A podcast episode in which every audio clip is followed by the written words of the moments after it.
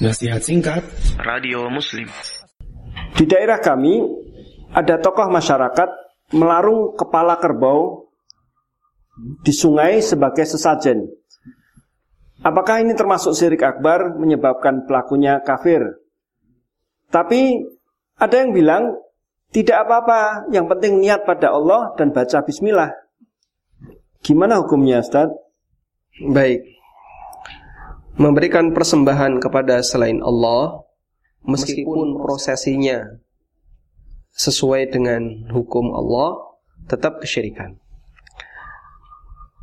Misalnya sajen dengan kepala kerbau atau kepala kambing atau kepala sapi. Nah, ketika dia menyembelih dengan baca bismillah. Bismillah ya Allahu akbar.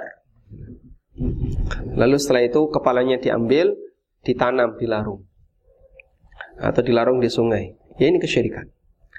Karena itu dalam masalah penyembelian kemarin sudah kita bahas di kajian malam ya tentang uh, hukum penyembelian dalam Islam di kajian kitab Khut Akidata.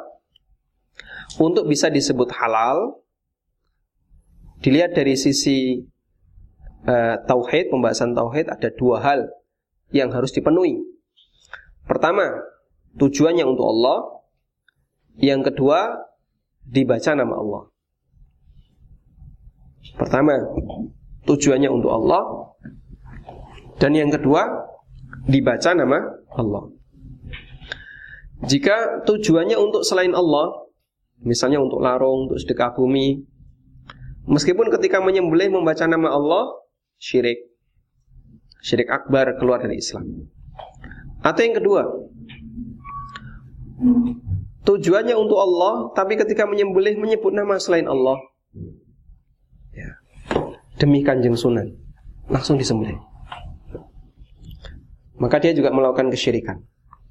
Karena dia menyembelih dengan menyebut nama selain Allah. Sehingga hewan ini haram untuk dimakan. Baik. Kalau dia tokoh masyarakat dan dia jadi imam, Anda harus pindah masjid. Tidak boleh sholat di belakangnya karena orang musyrik tidak boleh diikuti sholatnya. Wallahu.